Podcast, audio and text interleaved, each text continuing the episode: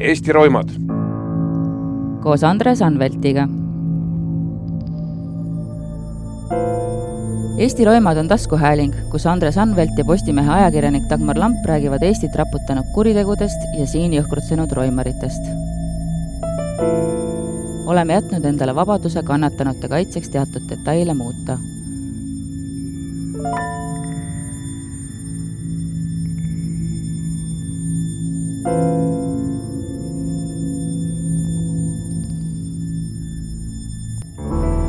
viieteistkümnendal detsembril tuhat üheksasada üheksakümmend neli hukkus Mäo ristis tulevahetuses kaks noort politseinikku.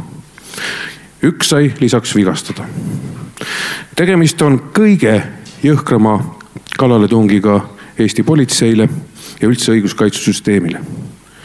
kuigi juhtumi uurimine jõudis kiiresti sisulise kohtulahendini, oli ja jätkuvalt on asjaolusid, mis on senini jäänud mitme küsimärgiga.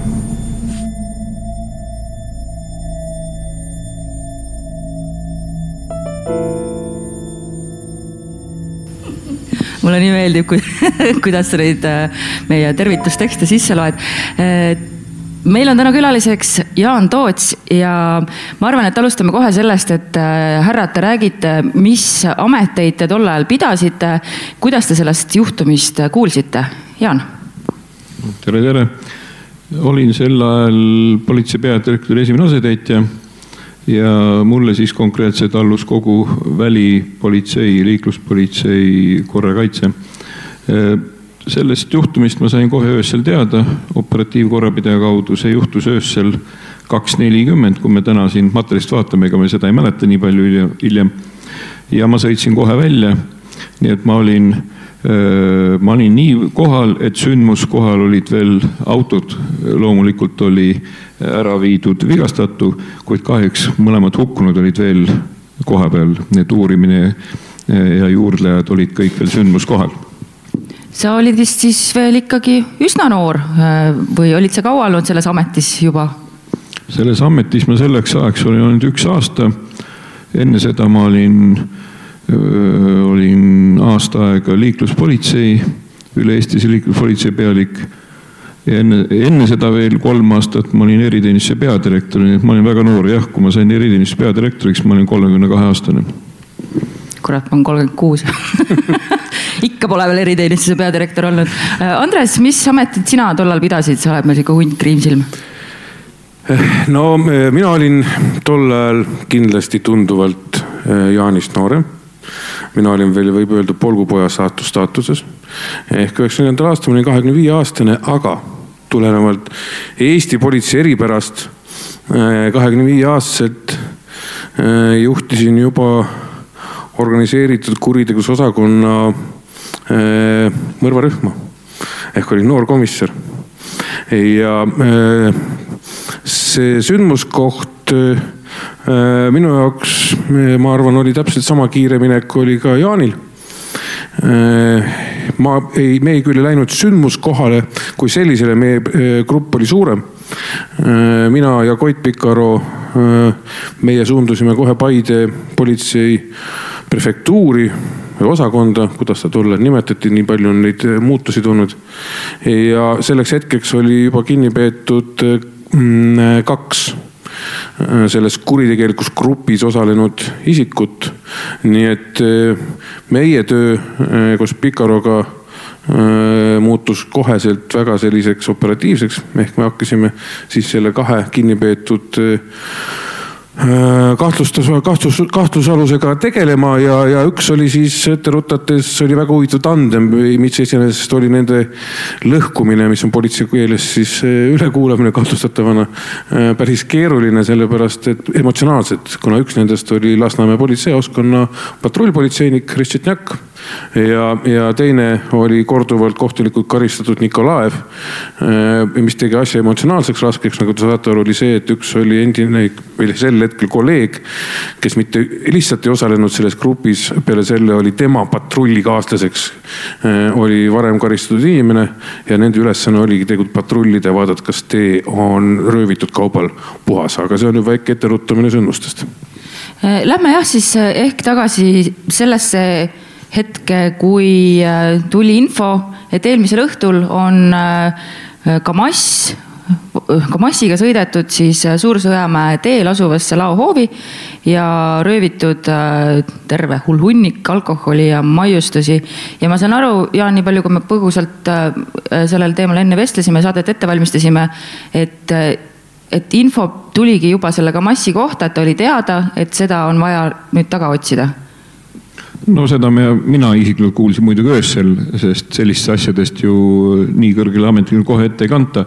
aga patrullid kõik teadsid, nad olid valvsad ja nad sihikindlalt kõiki veoautosid pidasid, ega pimedas ei ole näha, on ta Kamass või Vass ehk teiste sõnadega, nad olid küll ette valmistunud selleks ja patrullil eh, nõuete kohaselt oli kaasas ka püstol eh, kuulipildaja, Žuži Need olid küll mitte eriti hea lahingvarustus, need olid äh, taas iseseisvunud Eesti politsei, ütleme siis kõige paremad äh, lääne relvad äh, Maka-, Makauro püstolite ja AK automaatide kõrval. ehk teiste sõnadega, mis, mis seal toimus, oligi selline, et, et kui me loeme tagantjärgi ka ajalehtedes arvestatud Äh, mis vastab tõele, et kui oleks olnud sel korral tegelikult politseinikel kaasas AK-automaadid, millest nad olid ennem tunduvalt treeninud ja lasknud, siis oleks võib-olla need kurjapidajad seal kohapeal ka kinni peetud, aga Andres teab väga hästi, et uusi automaati, äh, mina olen isiklikult seda lasknud, ma arvan, sina ka, et temal on väga lühike toru ja kui sa lased pidemet hakata laskma, siis ta tõuseb järsku ülesse. Andres võib ühte teist juhtumit rääkida, kus oleks õnnetusega juhtunud ja antud juhul ka eh, üks patrullipolitseinikest lasi pideme tegelikult ühe ropsuga tühjaks ja need kuulid jooksid ülesse ja kurjategija, kes kasutas AK-automaati, lasi ta pihta ja tappis ta mis selle Uusiga oli siis? no Uusi automaat tegelikult, kui me tuletame meelde, sellest on ju, kõik me teame, eh, siiamaani räägitakse nii-öelda ühest relvatehingust Iisraeliga, kus siis Eesti kaitsevägi sai noh, siin on palju vaidlusi olnud, kas vanu kasutatud relvi, roostes relvi, mis iganes, aga relvad tulid, see oli kindlasti Eesti kaitseväele tol ajal esimene suur hange ja mingi osa nendest sai, sai endale ka Eesti politsei, aga siin on kindlasti vaja näiteks üks asi välja tuua kohe. Eesti politsei eh, eliitüksus just eh, siis eh, kiirreageerimisel oli ka komando ja näiteks nemad äh, sisuliselt kohe keeldusid nende relvade kasutamist oma operatsioonidel. ja need jäid äh, siis kas patrullide või kriminaalpolitseinike, no ma ei taha öelda mänguasjaks, aga selliseks relvaks, mis oli mugav kaasas kanda, ta oli pisikene. ma isegi mäletan minu enda äh, käsutus olnud uusi, et teha veel pisemaks teha, siis ma kruvisin talt selle lahti käiva selja või selle ütleme õlatoa, toe lahti, et siis sai temaga ka käia näiteks poes leiva järgi, keegi ei pane tähele, et see on automaat põues. nojah aga..., ma saan aru, et kui sul oleks olnud seda vaja, siis kasu sellest ei oleks eriti nagu no seda küll, vaata tema viga oligi selles, et nagu Jaan ütles, et eh, tema eh, laskekiirus oli nii kohutavalt suur ja tal ei ole sisuliselt kuskilt kinni hoida, kui sa veel ei oska.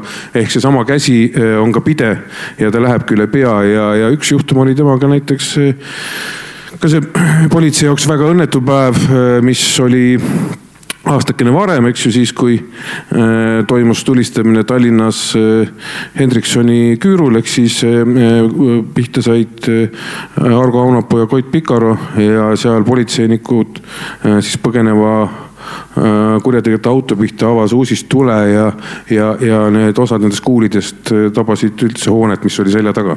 mis näitab seda tegelikult, et äh, ta ei ole kõige efektiivsem automaat, aga filmides mängib oma rolli väga hästi ära, nagu näinud olete. ma võin nii palju lisada, et reeglite järgi uusi automaat kui uurida ka ajakirjandust, on mõeldud ihukaitserelvana. ta on pisike, mugav hõlma all kanda ja on mõeldud lühilaskmiseks ja väga kiireks laskmiseks. ma just mõtlesingi, et mingi eesmärk peab ju olema, et miks seda üldse on nagu tehtud.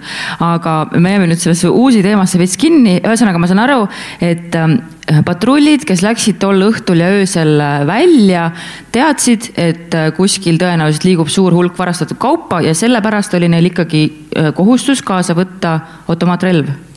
Automaatrelvad olid, ma arvan, tookord patrullis, kui oli, kui oli, kui oli olemas selline relv korrapidamisteenistuses, ta võeti kaasa suuremalt jaolt. aga lihtsalt veel täpsustuseks sellesama sündmuse kohta. seesama röövimine Lasnamäel, mis oli toimunud, ta ei olnud mitte ainukene tegelikult kui ma hiljem uurimise käigus jälle ma rutan ette, aga see mul meeldib alati teha. see, see on jah sinu sihuke spetsialiteet. kui see, kui see kuritegelik rühmitus nagu paljastati, siis nad olid sarnaseid kuritegusid teinud juba mitu aastat. ja need olid jõhkrad, need olid relvastatud röövimised ja isegi neid hüüti siis venekeelses politseiringkonnas Äh, oli nad saanud isegi sihukese hüüdnime nagu Tšorna Koška ehk must kass. Äh, äh, kuna tema käitumine, jõhkrus ja tegutsemisstiil tuletas meelde tegelasi filmist Kohtumispaika muuta ei tohi. kas minu meelest on väga sobiv siis, et kui me siia sisse astusime, siis esimesel korrusel kohe radika peal oli üks must kass? no ma loodan, et see ei ole nii draama, dramaatiline, sest see musta kassi punt, kes tegutses Moskvas neljakümnendatel, tõesti peale igat jõhkrat röövimist jättis sündmuskohale kassipoja on asju, mida ma õpin selle podcast'i käigus ja üks, see oli üks neist, mida ma ei tahtnud teada. aga lähme siis äh, viieteistkümnendasse detsembrisse tuhat üheksasada üheksakümmend neli, õigemini siis äh, neljateistkümnenda detsembri õhtusse, kui siis Järvamaal läksid neli liikluspolitseinikku, Marek Lemming, äh, Argo Kivi, vene nimi, Janek Tšeljadinov ja Väino Neido patrulli ja öö möödus neil üsna sündmustevaeselt, oleme aru saanud, kuni siis selle saatusliku hetkeni järgmise kuupäeva sees, kui kell kaks nelikümmend peatasid nad kinni kahtlase veoauto ja läksid seda kontrollima. nii kui seda sündmust rääkida tagajärgi, et pärast uurides, et miks üldse nii kurvalt see lõppes, siis tegelikult seal oli ju ka organisatsioonis, et vigu oli, esiteks oli Neido ilma relvata oli igasuguseid erinevaid jutte, ta ise ütles, et tal oli isiklik relv kaasas. pärast, kui ta oli jaoskonnas, tal seda näidata ei olnud, tema ju varjus oma kolleegide eest, mis on väga ränk sisereeglite rikkumine, ilma relvata minna äh, patrulli, seda enam, et oli teada, et on jälle üks suur röö pandud. samas nad olid väljas neljakesi ühe patrullautoga. tuleta meelde, aasta oli üheksakümmend neli, patrullautosid oli väga vähe ma saan aru, ka bensiini vist väga ei jagunud, see on ikka mul see üks detail, mis ei, meeles on. sel ajal juba oli, aga, aga jah, autode vähesus oli, oleks nad olnud kahe autoga, ilmselt oleks saanud võib-olla siis üks auto sealt äh, jälitama hakata, midagi teistmoodi teha, et olekseid on palju. aga kindlasti oli, oli kolm suurt viga, mis mina sellise äh, pealikuna ette võtsin, oli see, esiteks nad olid ilma kuulivestideta peale mida me tegime käskkirja ja nõudsime kuulivestide kandmist, aga teatavasti Andres mäletab, need kuulivestid olid nõudeaegsed, ülirasked, nad kaalusid kaksteist kilo, mul on meeles see. ja, ja siis hakati tegelema hangetega, et saada patrullpolitseinikele eh, korralikud kuulivestid. teiseks, et alati peavad olema kõik relvastatud ja loomulikult peale seda uusi automaadid me võtsime patrullpolitseinikelt kõigilt ära, see, see järeldus tuli aga ma saan aru, et see Väin, Väino Neid, Neido oli, eks ole, mul seal see N ja D kipuvad sassi minema. temaga, ta oligi sihuke natukene konf-, konfliktne kuju, et juba oli, hiljem tuli välja, et ei tahetud temaga väga patrullis käia ja väga kahtlane oli ka see lugu, miks ta oli ilma relvata. ja ka see, kuidas ta siis käitus, et üsna argpükslikult oli vist, millal ta siis täpselt peitu puges? No kui hakkas laskmine, kui tagasi, tagantjärgi uurimise käigus tuli, siis tema oli see, kes jooksis üle tee. kes seda sündmuskohta teavad, seal oli bussipeatus, selline katusealusega sinna kõrvale viskus kraavi, kuna tal ei olnud relva. Et ma ütlen veel kord, et tegelikult tal ei olnud relva, ta püüdis rääkida, ta oli isiklik ja vaatas lihtsalt kõike seda kulgu pealt, selle asemel, et midagi tegutseda. ja, ja veel kord kordan, et Tšeljaninov, selline inspektor, kellel oli siis see uusi et äh, suhteliselt oli vahemaa väike veoauto juurde, see oli võib-olla ta lasi kümne-kaheteistkümne meetri pealt. Äh, oleks olnud, äh, automaat oleks kindlasti tabanud, et, et need olid need järeldused, mis me pärast tegime. Ja kindlasti teda isiklikult oleks kuulivest päästnud, küll mitte seda, kellel järgi tuldi ja pähe tulistati no siin on kindlasti veel võib-olla, kui neid järeldusi vaadata ja, ja eks Eesti politsei, ma hakkasin unustada siis kolm aastat ainult. Äh, väga palju kaadrit oli lahkunud, eriti näiteks patrullpolitseis, kellel oli võib-olla suurem kogemus. Äh, kui me võtame ette need äh, hukkunud politseinikud, siis nad olid ikkagi kõik nii-öelda minu eakaaslased või minust nooremad veel. politseikooli tase kindlasti polnud ka veel selline, see väljaõpe ja, ja kindlasti neli korralikult äh, relvastatud, korralikult taktik, taktikaliselt ettevalmistatud politseinikku antud sündmuskohal äh, ei oleks kindlasti saanud anda edumaad äh, kurjategijatele. aga sellisel hetkel lihtsalt oli puudu jah, sellest taktikalisest lähenemisest, ka ütleme relvadest, isegi kui me näeme, et üks politseinik oli siis lihtsalt kaasas nagu öeldakse täiendava raskusena, äh, riskina võib-olla isegi. aga, aga mis ma tahan öelda, äh, äh, siis mis tegelikult annab ikkagi sellist uhkustunnet ja jõudu selle asja nagu meeldetuletamisel, et kurjategijad ju alguses, siis kui nad kinni peeti, proovisid ju nendele politseinikele tavapäraselt vist nagu nendel kombeks võis olla raha pakkuda. Äh, arvestades seda, et, et nende endi hulgas oli üks politseinik, kes kindlasti tegi seda raha eest. aga need äh, vaprad äh, poisid keeldusid sellest ja, ja siis see asi muutus konfliktseks ja päädis selle siis tragöödiaga. Ja mis ma tahaks Andresele lisada Äh, nüüd sellest ettevalmistusest ja ettehoiutusest, kas sa oled valmis tulistama, siis me oleme mõlemad Andresega erinevatel aegadel käinud FBI Akadeemias Quanticos Ameerikas ja, ja tõesti õieti sa ütlesid ka mulle siin meelde tuletasid, isegi Ameerikas, kui õpetatakse patrullpolitseinikke välja, ega nad ikka suurt laskmas ei käi ja, ja tulistamisvalmisolekut ähm, ei ole nii palju, kui juba meil on, mida võib öelda. aga kindlasti seal olid, nagu ma Andres ütles praegu, taktikaline viga, ega keegi ei oodanud, et nende pihta tulistatakse. selleks ei olnud meie politseinikud üheksakümmend neli veel valmis ühesõnaga, et äh, paremini oleks võidud käituda, keegi oleks kuhugi jäänud taha turvama, hoidnud kõiki kirbul.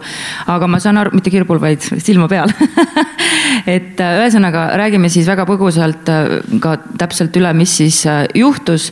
et Kamass peeti kinni, otsist-, otsustati siis läbi otsida, ilmselt siis millalgi sel hetkel sealkandis üritati altkäemaksu pakkuda ja Tšeljadinov äh, ma olin juba siis, ühesõnaga, et kaks kurjategijat avasid siis äh, tule kahest Kalašnikovist las ma aitan sind korra, tegelikult. jah, mul on siin midagi vahelt ära jäänud. tegelikult oli asi selline, et, et äh, siis, kui konfliktseks läks asi peale seda, kui altkäemaksust keelduti ja peale seda, kui äh, kurjategijad jäid vahele oma valega. nimelt nad ütlesid, et neil ei ole mingisugust äh, lasti taga. peale siis presidendi eemaldamist nähti seal alkoholikaste, mis oli kohe vihje sellele informatsioonile, mis oli politseisse laekunud öösel, et on Tallinnas toimunud rööv ja selline informatsioon ju tõesti liikus kiirelt politsei prefektuuride vahel selliste asjade kaudu nagu teletaipogrammid, äh, kus siis prinditi, mitte prinditi, trükiti välja ühe pika riba, riba peal sündmus, mis kleebiti paberi peale, mis loeti ette patrullpolitseinikele, aga see oli aasta üheksakümmend neli. aga mitte sellest ma tahan rääkida ja siis äh, tekkis olukord, kus asuti ühte nendest kurjategijatest, kes oli välja tulnud siis aktiivselt kontrollima, pandi ta läbiotsimise asendisse siis aga väljus varjatult, eks ju, teine kurjategija. ja väidetavalt siis sama Neido kuulis ka äh, relvaplõksi ehk äh, kuuli relva tõmbamist, mille peale ta varjus. ja siis hakkas tulevahetus kahest automaadist. Tšeladinov jõudis, nagu ma ütlen, tulistada oma pideme kohe tühjaks mõne sekundiga, isegi pooleteise sekundiga.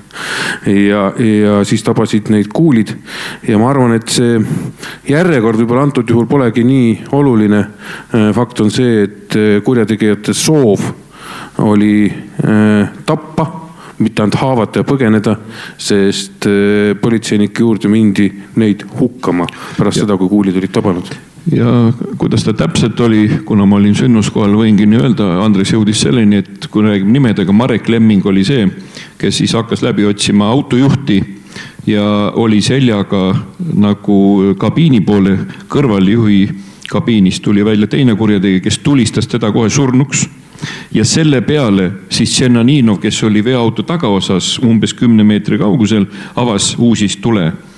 Ja, ja nagu ta ütles, ta nägi juba, et ta kolleeg oli maha varisenud, tal ei olnud hirmu, kuna kaks kurjategijat olid kõrvuti, aga ei tabanud neid. Et äh, see oli selline situatsioon. Ja kui me räägime ka sellest kaubast, et see ei olnud väike asi, ka siin on kirjutatud, et kaheksa tuhat pudelit oli šampust ja kolm tuhat pudelit viina, see oli terve koorem varastatud kaupa ja Tšeljadinov äh, sai siis ka haavata ja seesama, kuidas temaga käituti, näitab selgelt, et äh, kurjategijad tahtsid hukata, et talle ju mindi järele ja tulistati veel kaks korda.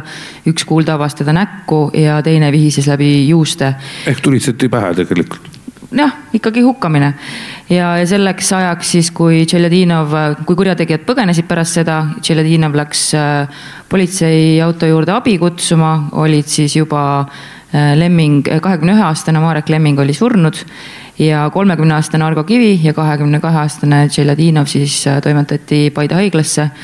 Argo Kivi suri varahommikul ja Janek Tšeljadinov oli siis ainus, kes jäi, ainus ta ei olnud, sest et ka Veino Neido pääses vigastusteta, kuna ta oli seal bussijaamas peidus kuidas see öö edasi läks? Jaan, sa jõudsid kohale, see oli tõenäoliselt väga šokeeriv, väga ehmatav Äh, nii vaatepilt kui ka, millised käsud on esimesed, mis sellises olukorras antakse?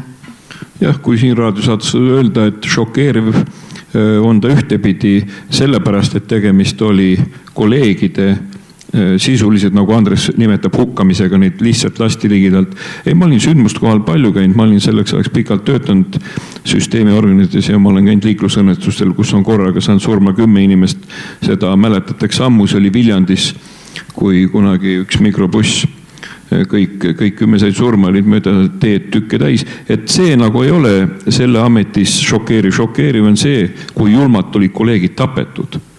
nüüd, mis edasi sai, loomulikult eh, juurdlejaid jäid sündmuskohta vaatama, me läksime tollasesse Paide prefektuuri, kuhu siis kuskil jah, ma arvan, et umbes nelja-viie ajal hommikul jõudsid siis nii Pikara kui, kui Anvelt kes hakkasid. küsin vahele, kas sa sõitsid ühe autoga? Ma arvan küll jah, aga äh, neid. kumb roolis oli? Äh, kindlasti mitte Pikara et, et selleks ajaks ma võin öelda nii palju, et et Paide prefektuuri patrullid läksid kohe taga ajama seda sõiduautot ja veoautot noh, see on kirjeldatus, see sõiduauto saadi haruteelt kätte, ta oli keeranud suure tee pealt kõrvale. See vastupanu oli olnud seal suhteliselt selline väike, tähendab tulistamiseks seal antud juhul ei läinud. Ja nad, need kaks poli-, üks siis nagu sa nimetad, kriminaalpolitseinik ja teine kurjategija toodi jaoskonda, nad olid selleks ajaks juba jaoskonnas, kui teie jõudsite. veoauto leiti kas kaks või kolm tundi hiljem Mustveest. Nii et ja kui ma seda sündmust veel ütleme koha peal, kui me aru saime, tegelikult see sõiduauto, mis sõitis veoauto järgi, nende reeglite kohaselt pidi sõitma veoauto ees ja kontrollima, ega ei ole kuskil poste. et see oligi meie poiste saatus, kui see sõiduauto oleks ees sõitnud, ilmselt seda tulevahetust ei oleks toimunud? no tegelikult oli seal veel neid saateautosid, nad olid kahe saateautoga vähemalt. Äh, aga needsamad, kes Lešetnjak Nikolaev ehk siis politseinik, küll patrullpolitseinik ja, ja see vanem kurjategija, nagu öeldakse, seisma jäid, siis nad nägid selle auto kinnipidamist, nägid eemalt tulevahetust. ja, ja siis nad sõitsid eest ära, aga veoauto jõudis neile järgi. ja tegelikult veoautole õnnestuski põgeneda sellepärast, et politsei hakkas tegelema sõiduautoga. aga kust see sõiduauto info tuli üldse sisse? ei, ta lihtsalt sõiduauto info ei saanudki ennem sisse tulla peale seda, kui oli näha, et sõiduauto ja veoauto on omavahel kontakteerunud. ja kui politsei asus neid kinni pidama, siis veoauto põgenes ära, aga sõiduauto õnnestus kinni saada. seda silmaga see, nähti ühesõnaga? sisuliselt saadi aru, et nad peavad olema seotud kuidagi. Kuigi, kui ma nüüd tuletan meelde neid nii-öelda lõhkumise üksikasju, siis kindlasti mitte midagi sellist sealt kohe ei tulnud. ehk äh, äh, nii Nikolaev kui äh, nüüd see Rešetnjak ei olnud äh, kohe väga koostaltid. kindlasti sellisel emotsionaalsel öösel see tahtmine neil, tahtmine rääkima hakata kasvab äh, väga kiiresti. Äh, sellepärast, et jutuajamine on emotsionaalne, äh, sõbralik jutumärkides ja, ja seetõttu siis paari tunni pärast hakkas selginema ka kogu pilt sellest, kuhu tuleb nüüd edasi minna. ehk näiteks seesama Mustvee tekkis kui järgmine sihtmärk ma täpsustan siia vahele, et äh, Režetnjaki, kes oli siis patrullpolitseinik, kuulas üle Koit Pikaro ja sina kuulasid äh, üle Anatoli Nikolajevi sealsamas, seal varahommikul Paides.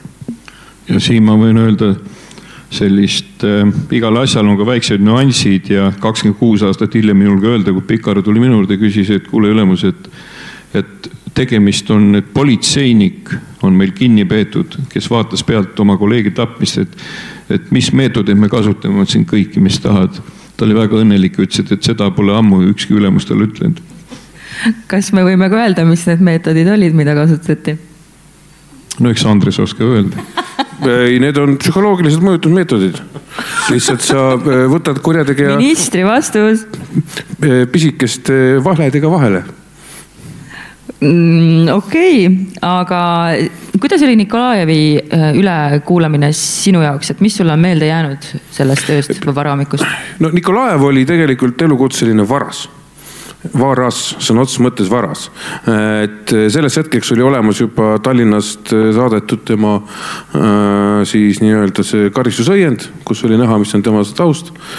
Äh, ta polnud vägivallakuriteguga kokku puutunud mistõttu ka sellises staatuses kurjategijatel on tegelikult šokeeriv see, kui nad saavad aru, millesse nad ennast sidunud on ehk tegelikult, eh, kui ma nüüd õieti mäletan, siis Nikolaevi eh, lõhki saamine oli eh, suhteliselt kiire protsess võrreldes Rešetnjakiga, eks ju. aga Nikolaev, tema kõige suuremaks nõrkuseks oli jah see, et ta tegelikult sattus olukorda, kus oli harilikult siis vargustest ja röövimistest asi üles kasvanud, üle kasvanud politseinike tapmiseks ja see muudab kindlasti tema olukorda kriminaalmenetluses ja selle kaudu on võimalik mõjutada teda olla kriminaalmenetlusega siis võimalikult koostaldis aga Režetnjak, ma saan aru, temal oli ju nii palju rohkem kaotada, suur huvi oli suu kinni hoida, eitada. no kurjategijatel, politseinikes kurjategijatel tegelikult kindlasti on nagu kaks staadiumit esimene on väga sügav eitusstaadium, eks ju. Äh, kuna seda toidab hirmsasti hirm äh, sattuda vanglasse, sellepärast et eriti veel tol ajal, kus meil ei olnud selliseid moodsaid ilusaid äh, vanglaid nagu siin Tartus, Tallinna all, Jõhvis ja kõik olid tsoonid, siis politseinik, isegi ükskõik mis taust on vanglas, see tema saatus on enam-vähem sama, mis vägistajal. nii et see on nagu esimene etapp etapp on see, kus ta on täielikult lukus. Äh, ta proovib läbi täieliku eitamise pääseda siis igasugusest kahtlustusest. Äh, samal ajal kui neid kurjategijaid on üks mitu kahtlustatavaid, siis on võimalik neid noh, mitte füüsiliselt vastandada, aga neid ütlusi vastandada ja, ja selle kaudu survestada kiiremale koostööle, sest igaüks teab seda, et see, kes ennem räägib, seda usutakse rohkem. ja siis sellisel politseinikul, kurjategijal on teine staadium, kus ta tahab olla kohutavalt koostööaldis, sellepärast siis ta saab äkki paluda uurijatelt seda, et ta näiteks saaks istuda kuskil üksinda, äh, mitte sattuda näiteks kuhugi üldisesse tsooni või mingisse sellisesse asutusse, kus tema elu tehakse põrguks.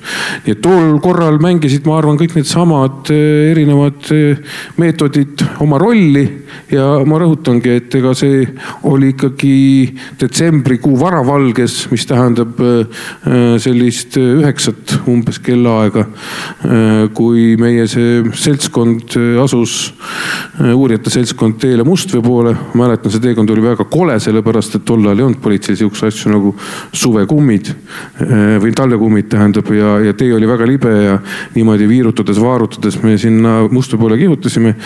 K-komandol vedas paremini, nemad tulid helikopteriga, kuigi kui seda helikopterit vaadata, siis ma ise valiks pigem ilma, ilma talle naelteta suvekummi või mis iganes aga eh, jah, et siis viisteist detsember läks eh, selles mõttes action'iks, et siis saadi kätte veel kurjategijaid, aga ma korraks põikan veel tagasi. Eh, Jaan, kas sa võiksid mulle öelda, kuidas, kuidas sellises olukorras kes on see, kes läheb politseinike lähedasi teavit-, lähedastega rääkima, neid teavi-, neile tea-, teada andma juhtunust? no antud juhul oli niimoodi, et äh, Lemmingu perekonna juurde läksin mina koos prefektiga. ja me tegime seda enam-vähem üheaegselt siis Tšernoninovi äh, vanemaid mingi teatama, kuna tema äh, olukord oli väga raske siis. et öö, fakt oli see, et me tegime üheaegselt kõik, et Lemmingu vanemate juurde kahjuks läksin mina. ja noh, seda ei taha kirjeldada arusaadav, aga lähme siis Mustveesse, sealt äh, ükskord olite kohale jõudnud vibades ja läbi häda, aga äh, leidsite üles Kallaveres Eduard Konjajevi korteri ja seal viibis siis ka üks tulistajatest, kelleks osutus endine NSV Liidu dessantväelane Andrei Iljuhhin. Äh, kirjelda, kuidas, kuidas tema mahavõtmine käis no ma peaks ikkagi pigem ikka sinna Mustveesse kõigepealt tagasi tulema. okei okay,, no lähme siis Mustveesse tagasi. Äh, sellepärast, et Mustvest hargnes edasi ju Kallavere, äh, sest see oligi täpselt selline klassikaline jupp jupi haaval edasiliikumine. iga sõlm tuli lahti harutada ja äh, Mustvees me leidsime ikka väga palju röövitud, varastatud kama juba varasematelt siis eh, nendelt röövretkedelt sigaret, alkoholi, peale selle leidsime relvi. Eh, peale selle olid seal ka veel eh, mõned siis majapidamise ülevalhoidjad, ka mõni proua ja mõni härragi. ja sealt edasi hakkas siis hargnema juba see, et kus võivad olla järgmised aadressid ja kes on üldse tegelased.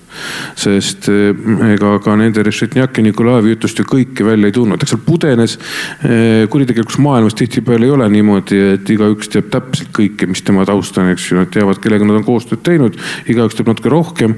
tol ajal polnud ka veel eh, sellist võimalust nagu täna, et sa. vaadata, kes on Facebooki sõbrad. no kes on Facebooki sõbrad näiteks või teine asi veel lihtsam, et, et lihtsalt guugeldada inimest politsei andmebaasides on natuke teistmoodi asi. Kairi on sihuke hea kaastööline äh, Kairi, eks ju, keda te olete võib-olla lugenud ja kuulnud, kus on kogu meie elulood kõigil sees. Äh, ja, ja sealt saad teada, kellega on kes koos koolis õppinud ja nii edasi, aga äh, rääkimata sellest sõjaväest teenid seal üks väga oluline asi oli veel, eh, mida ei tohiks ära unustada. et see Kamass eh, või eh, mis me oli siis selle röövitud kamaga, tema päris Mustveesse ei jõudnud, tema tegelikult sealtsamast mitte kaugel peale selle sõiduauto kinnipidamist metsa all oli maha jäetud. ja veel tegelikult me seal päev hiljem peale Mustved tegime veel sellist katset, kus me võtsime ühele kurjategijale sarnase auto ja sõitsime selle autoga seal metsa all ringi, seisime ühes kohas, teises kohas selle mõttega, et äh, Mitjugin Äh, võis näiteks olla kuskil sealkandis, nad läksid lahku metsas. see tulla... oli siis üks tulistajatest? ja see on üks tulistajatest äh, ja võis tulla auto juurde tagasi, mõeldes, need on tema omad inimesed, sest äh, ta oli kadunud. et me üks päev tegelesime Kallaveres, eks ju, kus siis tõesti me saime selle aadressi, mis oli siis seotud ühe teise selles samas pundis olnud inimesega, selles pundis oli kokku tegelikult seitse või kaheksa inimest lausa. ja, ja siis selle ühe kuriteokaaslase korteris. meie jaoks üllatuseks oli Iljuhhin tegelikult, me lootsime sealt võtta kinni ühte sellist teisejärgulist, me juba teadsime nende nimesid. aga Iljuhhin, et ta seal korteris on, oli suhteliselt üllatuslik, mistõttu Iljuhhin ka avaldas kinnipidamisel päris korralikku vastupanu milline on korralik vastupanu? no see, et, et tekib väga tõsine füüsiline kontakt, mille tulemusel tekivad ka teatud kehavigastused selge, aga te saite ta kätte ja teadsite, et äh, Nikolai Mitjugin, kes oli kindlasti üks tulistajatest, äh, on, äh, on saanud põgenema ja tema ongi siiani tabamata. räägitakse, et on läinud Venemaale. Ja ja huvitav on siis ju selle juures, kas see, kas huvitav selles mõttes, et kurjakatele väga tavapärane on see, et see, kes põgenema sai, kõik lükatakse tema kaela? Ja see on selline võimalus alati kurjategijal seda teha ja siin alati noh, mis endale tuhka nüüd pähe raputada, et äh, mida edasi on läinud aeg võrreldes üheksakümnendatega, seda vähem tegelikult mõjutab äh, uurimistulemusi kurjategija ülestunnistus. ehk tegelikult on kõige olulisem on sündmuskoht, sündmuskoha vaatlus kus saab panna väga täpselt paika, kasutades kõiki erinevaid tehnikaid, alates DNA-st kuni hültsida ükskõik milleni, seal on sada erinevat võimalust, eks ju, peaasi, et see sündmuskoht poleks olnud rikutud. mida kindlasti tol ajal silmas ei peetud üldse. ja, ja teine asi on see, et kui need andmed on ilusti fikseeritud, kogutud, siis see, et kurjategijad harilikult ennem kohut hakkavad oma ütlusi muutma, otsima enda hulgas kõige nõrgemat lüli, kelle kaela kõik ajada. ja antud juhul see kõige nõrgem lüli oli, eks ju, Mitjugin, kes ei olnud uurimisele kättesaadav. ja, ja sellepärast Iljuhhinil ka kui vaadata seda motiveeritud kohtuotsust, siis mille Helve Särgava kohtunikuna tegi, siis tõesti jah, oli selge, et tema oli üks nendest, kes oli tulistaja aga äh, nüüd teha kindlaks nüüd äh, see, kes oli siis ikkagi eestvedaja, kes oli alustaja, kes, kelle kuulid olid fataalsemad, see kõik, äh, mida tegelikult kindlasti oleks saanud teha korraliku sündmuskava vaatlusega, aga nende oskuste olemasolu tõttu seda ei tehtud, siis ütluste puhul annab see kurjategijale kahjuks eelis ühesõnaga, ma saan aru, et oluline on see, mida räägivad kogutud tõendid, mitte niivõrd see, mida räägib kurjategija, kui need üksteisele vastu käivad, siis ikkagi tõendid on olulised see on läbi aja on see muutunud, ütleme niimoodi, et eh, üheksakümnendatel äh, neid oskusi oli vähem, rääkimata sellest, et tehnilisi võimalusi, esimene DNA ekspertiis äh,, sellest muideks me ei ole rääkinud meie saates veel, kunagi me peame rääkima. kevadel, kui hakkab uus aeg. Igor Bondarenko esimene DNA ekspertiis Eestis, kus ma jooksin jalad rakku, et seda saada üldse see oli ka üheksakümmend kuus alles, üheksakümmend kuus. aga üheksakümne kolmandal aastal olid siis Iljuhin ja Mitjugin selle kuritegeliku pande loonud ja vist oli ka, mis huvitavam, vist imelik sõna, aga, aga sellel hetkel ei olnud organiseeritud kuritegevus äh, paragrahvi, ma sain aru, et ei olnud võimalik anda, kuigi on ilmselge, et, et oli organiseeritud kuritegelik pande e, karistuse sai Iljuhin viisteist aastat, tema sai kaks tuhat üheksa välja. E, mis karistusi veel õnnestus? Terrorismis süüdistati, aga keegi ei jäänud süüdi ja mis olid siuksed juriidilised eripärad veel selles juhtumis? see on jällegi selline asi, mida me oleme oma saates muideks varem kajastanud, et eh, üheksakümnendate aastate keskpaik suuresti kukkus eh, kahe ajastu vahele ühtepidi kehtis Eestis veel Eesti Vabariigi kriminaalkoodeks, mis oli tegelikult Eesti Nõukogude Sotsialistliku Vabariigi kriminaalkoodeks. lihtsalt see oli NS keskelt maha võetud ja mõned paragrahvid äh, olid äh, välja visatud, eks ju, nagu sotsialistlik, sotsialistlik omandi riisumine ja muud asjad. aga enamus asjadest olid ju samad. samal ajal oli Eesti vastu võtnud või ühinenud Euroopa Nõukogu äh, konventsiooniga ja keelustanud surmanuhtlused. Kolmas asi oli see, et ei olnud sellist paragrahvi nagu organiseeritud kuritegevus või nagu moodsamalt öeldes kuritegeliku ühendusse kuulumine. neljandaks oli see asi, et sarnane paragrahv, mis oli kehtinud nõukogude ajal nagu banditism imeline sõna. see oli imeline Banditis. sõna, eh, mis oli rohkem suunatud, eks ju, metsavendade püüdmisele. Eh, seda ka enam ei kehtinud. ja, ja aga oli selline paragrahv olemas nagu terroristliku ühendusse kuulumine. ja siis ma mäletan neid pikki vaidlusi ja lõppude lõpuks ikkagi seda prokuröri julgust, et proovida seda ära teha, sest miks tegelikult oli ju tungitud kallale riigivõimu esindajale. seda olid teinud ütleme niimoodi taust, eks ju, äh, mida me ka mainisime, olid see, et Mitjugin ja Iljuhin olid mõlemad teeninud äh, eriüksuses NSV Liidu dessantväeosades, eks ju. ehk äh, seda sai kaudselt tuletada, aga eks olgem ausad,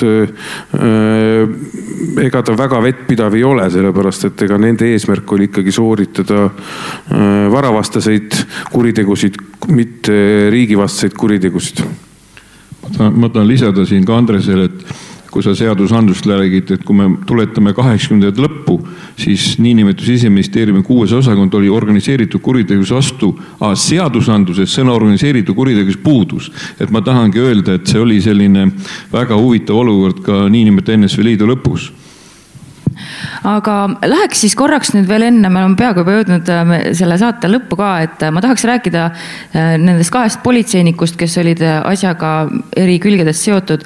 et kõigepealt Igor Režetnjak, et mis oli tema motiiv, miks ta läks kurekate poole üle, kas see oli ainult rahaline? ja nii palju, kui mina mäletan, puhtalt ainult rahaline ja tuletame meelde seda, et üheksakümnendate aastate alguses eh, Eesti politseis oli korruptsiooni ikkagi suht palju. Eh, kui me räägime mm, ka näiteks sellisest valdkonnast nagu patrull politsei, liikluspolitsei, ma ei taha kindlasti siin mitte mingil juhul kuidagi äh, nüüd kedagi mustata, äh, kes sel ajal tegid seda tööd ausalt.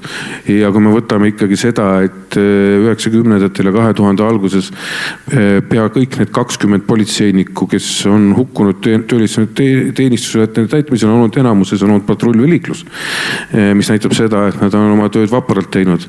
aga ikkagi oli sellist korruptsiooni palju, oli selgusetust, peab ütlema ausalt ka, et, et Eesti politseis oli tol ajal terve rida inimesi, kes olid ikkagi jäänud, tulnud üle Eesti politsei ridadesse näiteks eh, miilitsast mitte eh, teadlikult, sellepärast et võidelda Eesti noore taasiseseisvunud Eesti Vabariigi ütleme niimoodi hea käigu pärast, aga sellepärast, et olla võimu juures ja seda kuidagi ära kasutada, nii et, et ma tahan öelda, et Rešetnjaki puhul äh, mängis ainult see asi rolli, ta oli tegelikult selle pundiga juba tükk aega koostööd teinud, oli neile hankinud siseinfot, sest ärgem unusta seda, et need röövimised toimusid kõik Tallinnas, vist oli ka Harju maakonnas, aga mõte oli selles, et kui sul on ikka oma käsi, on kõige suurem oht on ju milles, mitte see, et seal siia maantee peale vahele jääd, eks ju. ja siis on ka hea, kui politseinik räägib, sul puhtaks, aga antud hetkel nad lihtsalt nii kaugel olid ette ära läinud.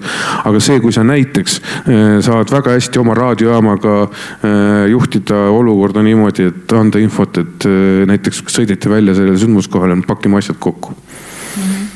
Ma tahan nii palju jah, kahjuks lisada, see läheb küll teemast välja, aga et, et oli sel ajal mitmeid politseinikke, kes teenisid niimoodi raha ja kahjuks oli ka välipolitsei teine juhtum, kus varastatud autosid saadeti piirini politseinike poolt ja, ja me olime sunnitud äh, selle kokku puutuma ja oli väga palju jälle teistpidi ausad oma kolleegid, kes said aru, et teine kolleeg tegeleb millegagi valesti, et see oli see rasked üleminekuaastad ja tegelikult politsei puhastus seestpoolt ka väga hästi. mis ta karistuseks sai? Vot see on hea küsimus. ma kirja ei pannud siia, sellepärast ma küsingi, et äkki te mäletate, et. ma, ma arvan, et äh, arvestades tema kuriteo raskust, et ta otseselt ju ise seal ei vajutanud päästikut.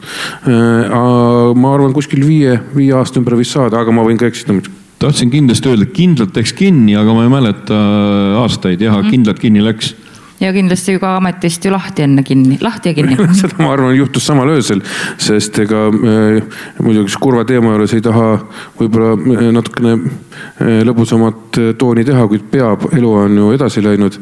aga ka tol ajal Jaan võib-olla ka mäletab, et räägiti pool naljaga pooleks, et, et kui sa läksid patrulli või liiklusse tööle, siis sa andsid kaks paberit, üks oli see, palun mind võtta tööle, teine oli palun mind vabastada töölt, aga ilma selle kuupäevata. nii et, et kui midagi sellist juhtus, siis oli tegelikult just viis minutit ennem oma kuriteo sooritamist lahkunud ja teine, kes ka sai oma tööst lahti vähemalt ajutiselt, oli Väino Neido. Ehm, aga temaga oli veel pärast, ma saan aru ju ka kõva jama, et vaidlustas enda lahtilaskmise? jah, me vabastasime ta töölt mitme-mitme sisereegli ja, ja punkti alusel, aga ta kohtus võitis, ta ennistati tööle. aga kui ma õieti mäletan, ta pärast vallandati mingi, mingi järgmise situatsiooni, kus oli kuritegelik olukord, et ta jah vallandati, aga väga-väga palju hiljem, kahe tuhande kas kümnendal või niimoodi. ühesõnaga ei, ei saanud ta oma tööga niikuinii väga hästi hakkama, et lihtsalt no, tõestas seda. no eks seda oli ju äh, see oli tihti teemaks, muideks ma ütlen seda, et ma olen proovinud mitte iga aasta, aga, aga aasta-paari tagant äh, käia viieteistkümnendal detsembril sellel üritusel, mis toimub äh, Mäo ristil, kus on siis politsei rivistus äh,, pärgade panek ja, ja seal ikka näed inimesi sellest ajast ja, ja läbi aastate ja seal on seda juttu tulnud, ega tegelikult teda keegi ei tahtnud näha organisatsioonis tagasi. et selles mõttes ta oli persona non grata, nagu öeldakse. eks ta ei oska öelda, mis ta ise üle elas, olgu jumal andku talle hingerahu. aga fakt on see, et ei olnud tal endal lihtne seal, ei olnud ka teistel lihtne enam temaga koos töötada no ma juba isegi ei kujutaks ette, et kui mind lastakse kuskilt lahti, ma lähen kohtusse ja võidan ja siis lähen nagu õige mees tagasi, no lihtsalt juba ma ei kujuta seda hästi ette. aga me jõudsimegi nüüd äh, oma selle ajatärminini, kus me tavaliselt oma saate kokku võtame. Äh, Jaan, mis olid äh, sinu jaoks sellest juhtumist sellised, sa alguses ju tegelikult kohe tegid väga hea ülevaate, aga kuidas sa aktiivselt edaspidi tagasid või proovisid tagada, et selliseid asju enam ei kordu et kas oli veel midagi, mis sind isiklikult nagu puudutas? ei no oligi, reageerisime ikka väga ruttu ja, ja kaks, kaks põhimõttelist küsimust oligi, kas meeldis või ei meeldinud. öisel ajal pidid nad olema kuulivestides.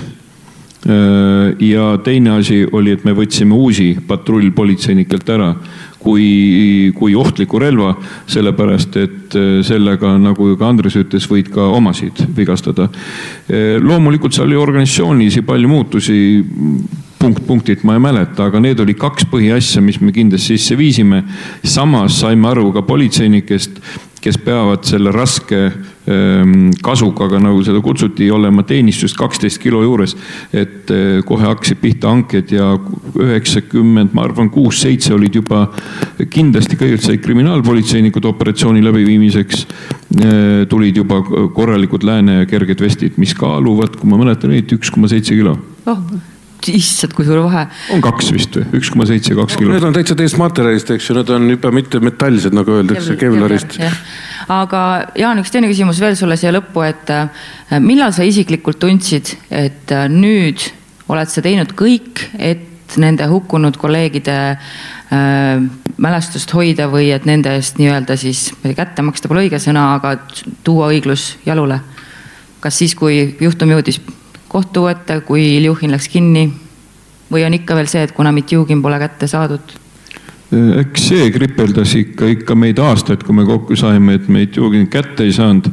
ja, ja süda rahul ei ole kunagi, sest ikkagi kaks meest hukkus ja üks oli väga-väga pikalt oli haiglas, sai nii suured vigastused, et ta pärast jäi kontoritööle et tegelikult nagu tema mulle ise ütles, et mind ju on tapetud tegelikult selle töö pealt, mis ma olin.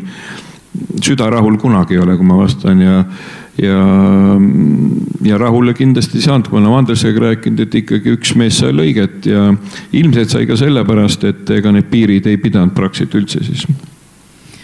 Andres, sa ise, sama küsimus sulle no Mitjugini tagaotsimine juba aastaid ja aastaid ka pärast äh, seda sündmust oli ikkagi, ütleme pidevalt käis nagu lainel üles-alla, üles-alla, vähegi kui tuli mingit täiendavat informatsiooni.